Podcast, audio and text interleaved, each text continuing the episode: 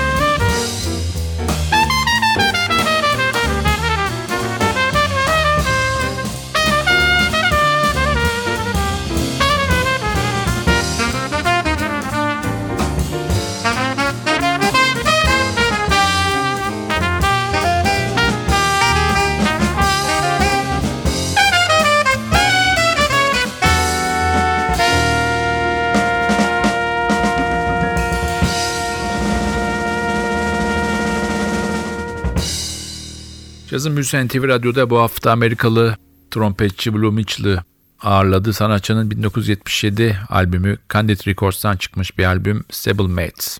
Albümde çalanlardan John Heard. 1938 yılında dünyaya gelmiş bir sanatçı.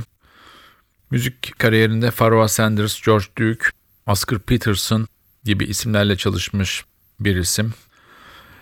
Kontrbasa geçmeden gençlik yıllarında saksafon çalmış ama 15 yaşında kontrbasa karar kılmış bir isim. Sanatçı aynı zamanda Amerika'da hayli bilinen bir ressam. Yine albümde çalan önemli bir davulcu var. Dick Burke. Dick Burke 1939'un 22 Mayıs'ında dünyaya gelmiş ve 8 Şubat 2014'te ölmüş bir isim. West Coast akımının önemli temsilcilerinden Berklee College of Music mezunu. Kariyerinde Mingus, Mos Allison, Freddie Hubbard gibi isimlerle çalışmış önemli bir davulcuydu Dick Burke. Yine albümde Victor Feldman var. Londra doğumlu bir piyanist, vibrafoncu ve perküsyonist. Yani multi enstrüman uzmanı. Gerçekten çok yetenekli bir isim. Küçüklüğünde ona Kid grupa ismi verilmiş. Çünkü 7 yaşında bir konserde sahne alıyor. Bir big band'in önünde. Ama daha sonra Amerika'da esas ününü piyano yapmış bir isim Victor Feldman. 7 Nisan 34'te dünyaya gelmiş. 12 Mayıs 87 yılında da Amerika'da Woodland Hills'te hayata gözlerini yummuş bir müzisyen.